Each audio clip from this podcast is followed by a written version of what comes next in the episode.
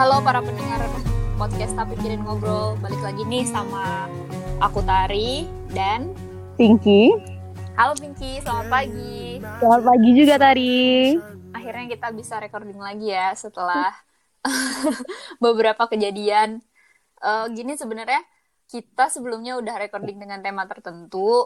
Eh, Justru malah tema itu serius banget sebenarnya. Tapi karena terjadi permasalahan audio dan permasalahan kerusakan file uh, sehingga rekaman tersebut nggak bisa dirilis. Jadi uh, akhirnya kita memilih tema yang lebih ringan ya, Ping ya. Yes, banget. Ya, jadi pagi ini aku uh, aku dan Pinky ingin membahas soal lucu sebenarnya pembahasannya. Aku suka ini. kita kita akan membahas soal in- intelligence bucin. Nah, kalau Oke. Pinky Pinky kasih temanya gitu. Kalau aku ya karena Pinky lebih muda dari aku ya, jadi dia lebih terkini lah soal ini daripada aku. eh ya kalau aku sih aku tahu kalimat eh, arti bucin. Arti bucin itu hadir setelah aku sudah menikah kayak gitu. Tapi kehidupan percintaan aku sebelum menikah ternyata adalah kehidupan yang bucin banget gitu. Sampai temen aku, teman-teman dekat aku bilang andaikan andaikan sebelum aku menikah itu udah ada istilah bucin, maka aku cocok banget dapet gelar ratu bucin sejagat katanya gitu. Eh, Oh jadi oke. jadi pas, eh, bentar bentar. Tapi itu kamu pas eh, masa-masa bucin itu tahun berapa sih? Kayaknya udah lama banget gitu. Enggak juga, 2000 berapa ya? Ya 2005 2015-an sih ya yang lebih parah 2015 2016 gitu. Sedangkan istilah bucin tuh baru populernya tuh 2017 18-an. 2018 sebenarnya, 2018 2019 kayak gitu. Jadi udah lewat lah masa aku melewati hal-hal yang katanya aku bucin banget itu. gitu sih. Jadi ah aku karena aku yang aku sudah lebih senior sedikit daripada Pinky ya. Secara secara umur. Ah, Mm-mm. aku pengen nanya nanya ini ke Pinky. Apa sih eh, pendapat Pinky soal intelijen bucin ini? Dan eh, berhubung juga judul ini juga hadir dari pemikiran Pinky kayak gitu. Oke. Nah, eh sebenarnya ap- sebenarnya aku mau bahas tentang toxic relationship sih. Karena kan bucin itu kan identik Betul. dengan toxic ya. Kayak we toxic each other dan eh, itu itu merugikan juga gitu loh. Padahal sebenarnya hakikatnya adalah cinta itu memang membahagiakan gitu loh. Harusnya cinta Betul. itu membahagiakan gitu kan. betul Nah, cuman kalau kita bahas toxic relationship itu kita cuma bahas bodoh-bodohnya doang gitu kan. Nah, Iya. that's why aku tuh prefer yang intelligence bucin. Jadi walaupun kita bucin, kita tetap pintar gitu. sebenarnya Kalau itu dua dua dua kata yang kontra ya yang satu Iya, bucin, benar itu yang identik banget. yang yang identik dengan kebegoan gitu dan yang satu lagi eh, intelligence gitu kan lu harus pinter di situ gitu jadi Iya, mungkin benar. pinter-pinter untuk ngebucin gitu ya oke Iya. aku mau denger nih gimana Bing Eh, aku mau dengar tari dulu deh. Aku penasaran juga nih pembukaannya itu dan tari aduh aku jadi jadi lucu ya Gimana sebenarnya jadinya? Gimana menjadi seorang ratu bucin sejagat itu? ya karena ya sebenarnya gini eh, posisi setiap orang itu kan beda-beda dalam menjalin hubungan kayak gitu karena be- berbagai faktor ya faktor internal diri dia sikap dia terus faktor eksternalnya faktor lingkungan dan keluarga terus faktor eh, sikap si pasangannya dan faktor lingkungan dan keluarga pasangannya. Itu ngaruhin mempengaruhi semuanya. Gitu. Jadi bakalan eh, nggak bakalan sama eh, cerita tiap orang kayak gitu. Ke, eh, cerita kebucinan tiap orang. Walaupun istilahnya yang yang tergambarkan di sosial media bucin tuh begini loh bucin tuh begitu loh. Tapi sebenarnya realnya aku melihat tiap-tiap hubungan itu beda-beda jenis kebucinan dan tingkatan kebucinannya kayak gitu Oke. Ah, jadi kalau dia aku aku aku memperpanjang mukadimah biar aku memperpanjang mukadimah biar aku nggak cerita pengalaman aku karena malu. Ya, jadi kalau menurut kamu berarti gini ya, eh, yang menurut aku bucin, kamu bucin gitu kan. Berarti Betul. ya jadi, Jadi, relatif itu ya banget sih. Benar-benar. bener relatif gitu jadi nggak ada ukuran standar wih lu yang ini nih bucin yang begini nih nggak bucin. Enggak nggak gitu. Nah Oke. eh, sebenarnya nggak ada kajian ilmiah juga ya kita. Bucin tuh berasal dari kata apa? Siapa pertama kali mencetuskan? Kayak gitu. Karena emang ini nih. Aku juga ini juga temanya sangat ringan sekali. Aku juga nggak kepikiran untuk untuk Tapi menarik ya. Iya, tapi ini menarik gitu karena emang hadir hadir di kehidupan kita gitu, kehidupan kita terutama anak muda. Nah, Oke. eh iya, aku kalau pengalaman aku pribadi intinya aku ketika pacaran, ketika aku punya pacar, eh pasti aku bucin banget. Oke. Tapi di sisi lain, saat aku tidak mendapatkan apa yang diberikan pacar aku kayak gitu. Ya, ini sisi tidak baiknya ya. Aku aku terpaksa harus menceritakan gitu sisi tidak baik aku di eh di kemarin-kemarin hari kayak gitu. Oh, Oke. sisi tidak baiknya adalah aku saat tidak mendapatkan yang aku inginkan dari pacar aku, aku mencari kenyamanan di tempat lain kayak gitu. Waduh. Ya maksudnya eh, bukan Oke. ya jadi kesannya memang aku tipe yang PHP dulunya kayak gitu. Mm-mm. Eh, suka memphp-kan orang kayak gitu. Jadi saat orang yang ngebucin sama aku, justru malah bener-bener aku manfaatkan kayak gitu. Tapi nggak pernah, Oke. tapi nggak pernah aku kasih status kayak gitu. Tapi itu terjadinya saat aku tidak mendapatkan eh, yang aku inginkan dari pacar aku kayak gitu. Nah, itu nggak baik ya sebenarnya setelah aku pikir, setelah aku sadar di kemudian hari gitu.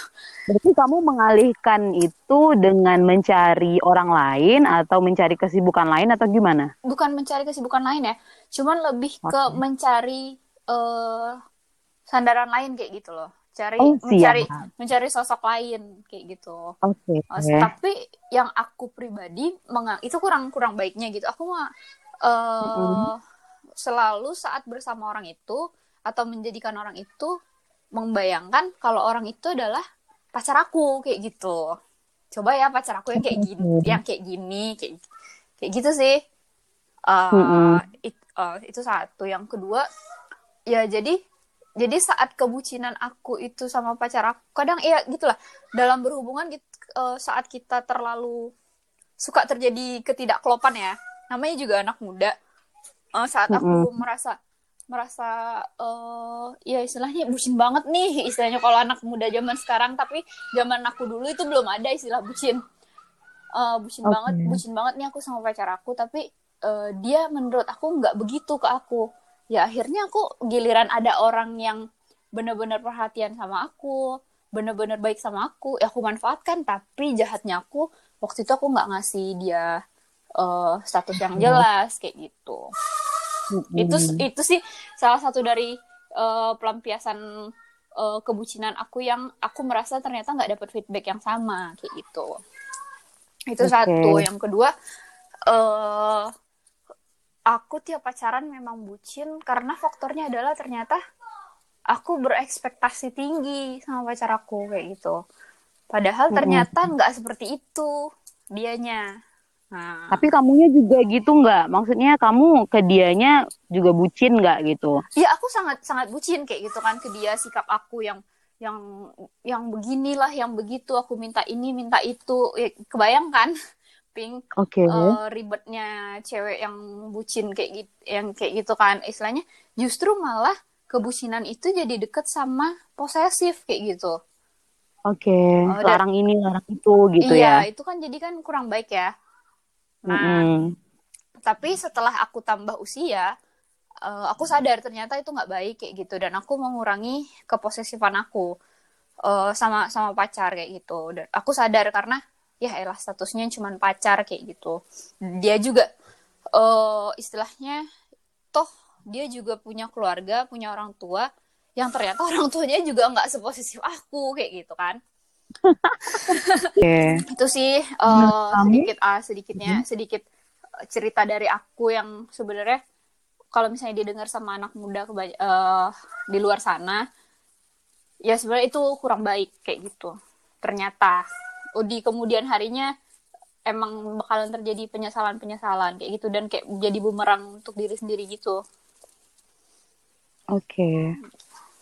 Tapi kalau kamu ngerasa uh, di tingkat mana sih? Maksudnya apa sih pengalaman yang kamu ngerasa wah ini gue bucin banget and I shouldn't do that gitu?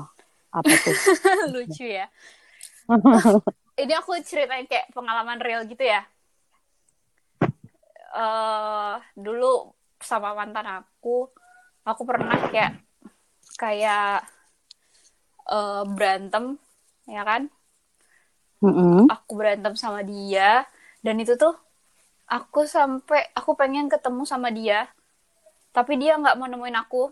Hmm, pokoknya aku mm-hmm. tuh pengennya kalau misalnya berantem itu aku benci berantem itu ya zaman dulu kan nggak ada BBM nggak ada WA kayak gitu jadi cuma SMS atau telepon kayak gitu saat aku SMS nggak direspon sedangkan telepon aku nggak diangkat nah aku pengen langsung ketemu kayak gitu aku pengen langsung ketemu dan dia waktu itu nggak nemuin aku nah terus sampai aku ancam dia uh, aku aku mau jadi aku mau diri di luar sampai dia datang kayak gitu hmm? Akhirnya itu goblok banget ya. Itu aku diri hujan-hujanan sampai dia datang setiap orang yang lihat uh, ngeliatin aku kayak ini kenapa sih ini anak? Kasihan banget kayak gitu.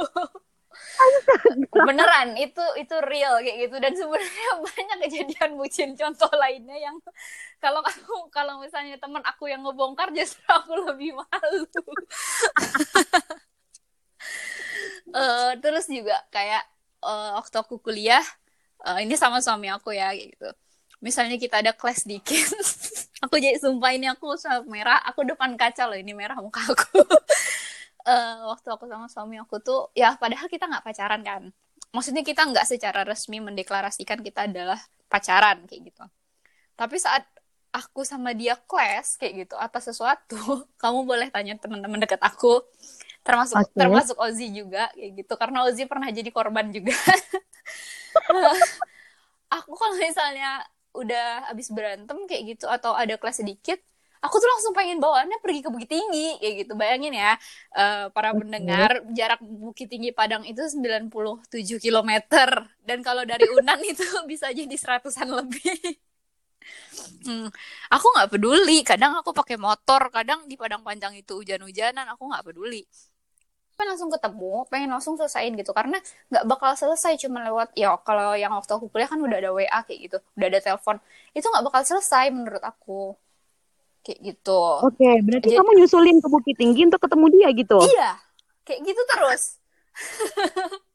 Makanya teman-teman teman-teman aku kalau... jadi sampai teman-teman aku tuh marah. Kadang aku pulang kuliah sampai aku mau ninggalin kelas. Jadi misalnya kelas terakhir aku tuh jam 4 jam 4 tuh sampai jam setengah enam kan Nah, kalau misalnya ada masalah itu, aku cuma masuk jam 4, aku cuma ngambil absen, aku pura-pura keluar, dan langsung aku cabut ke Bukit Tinggi, kayak gitu.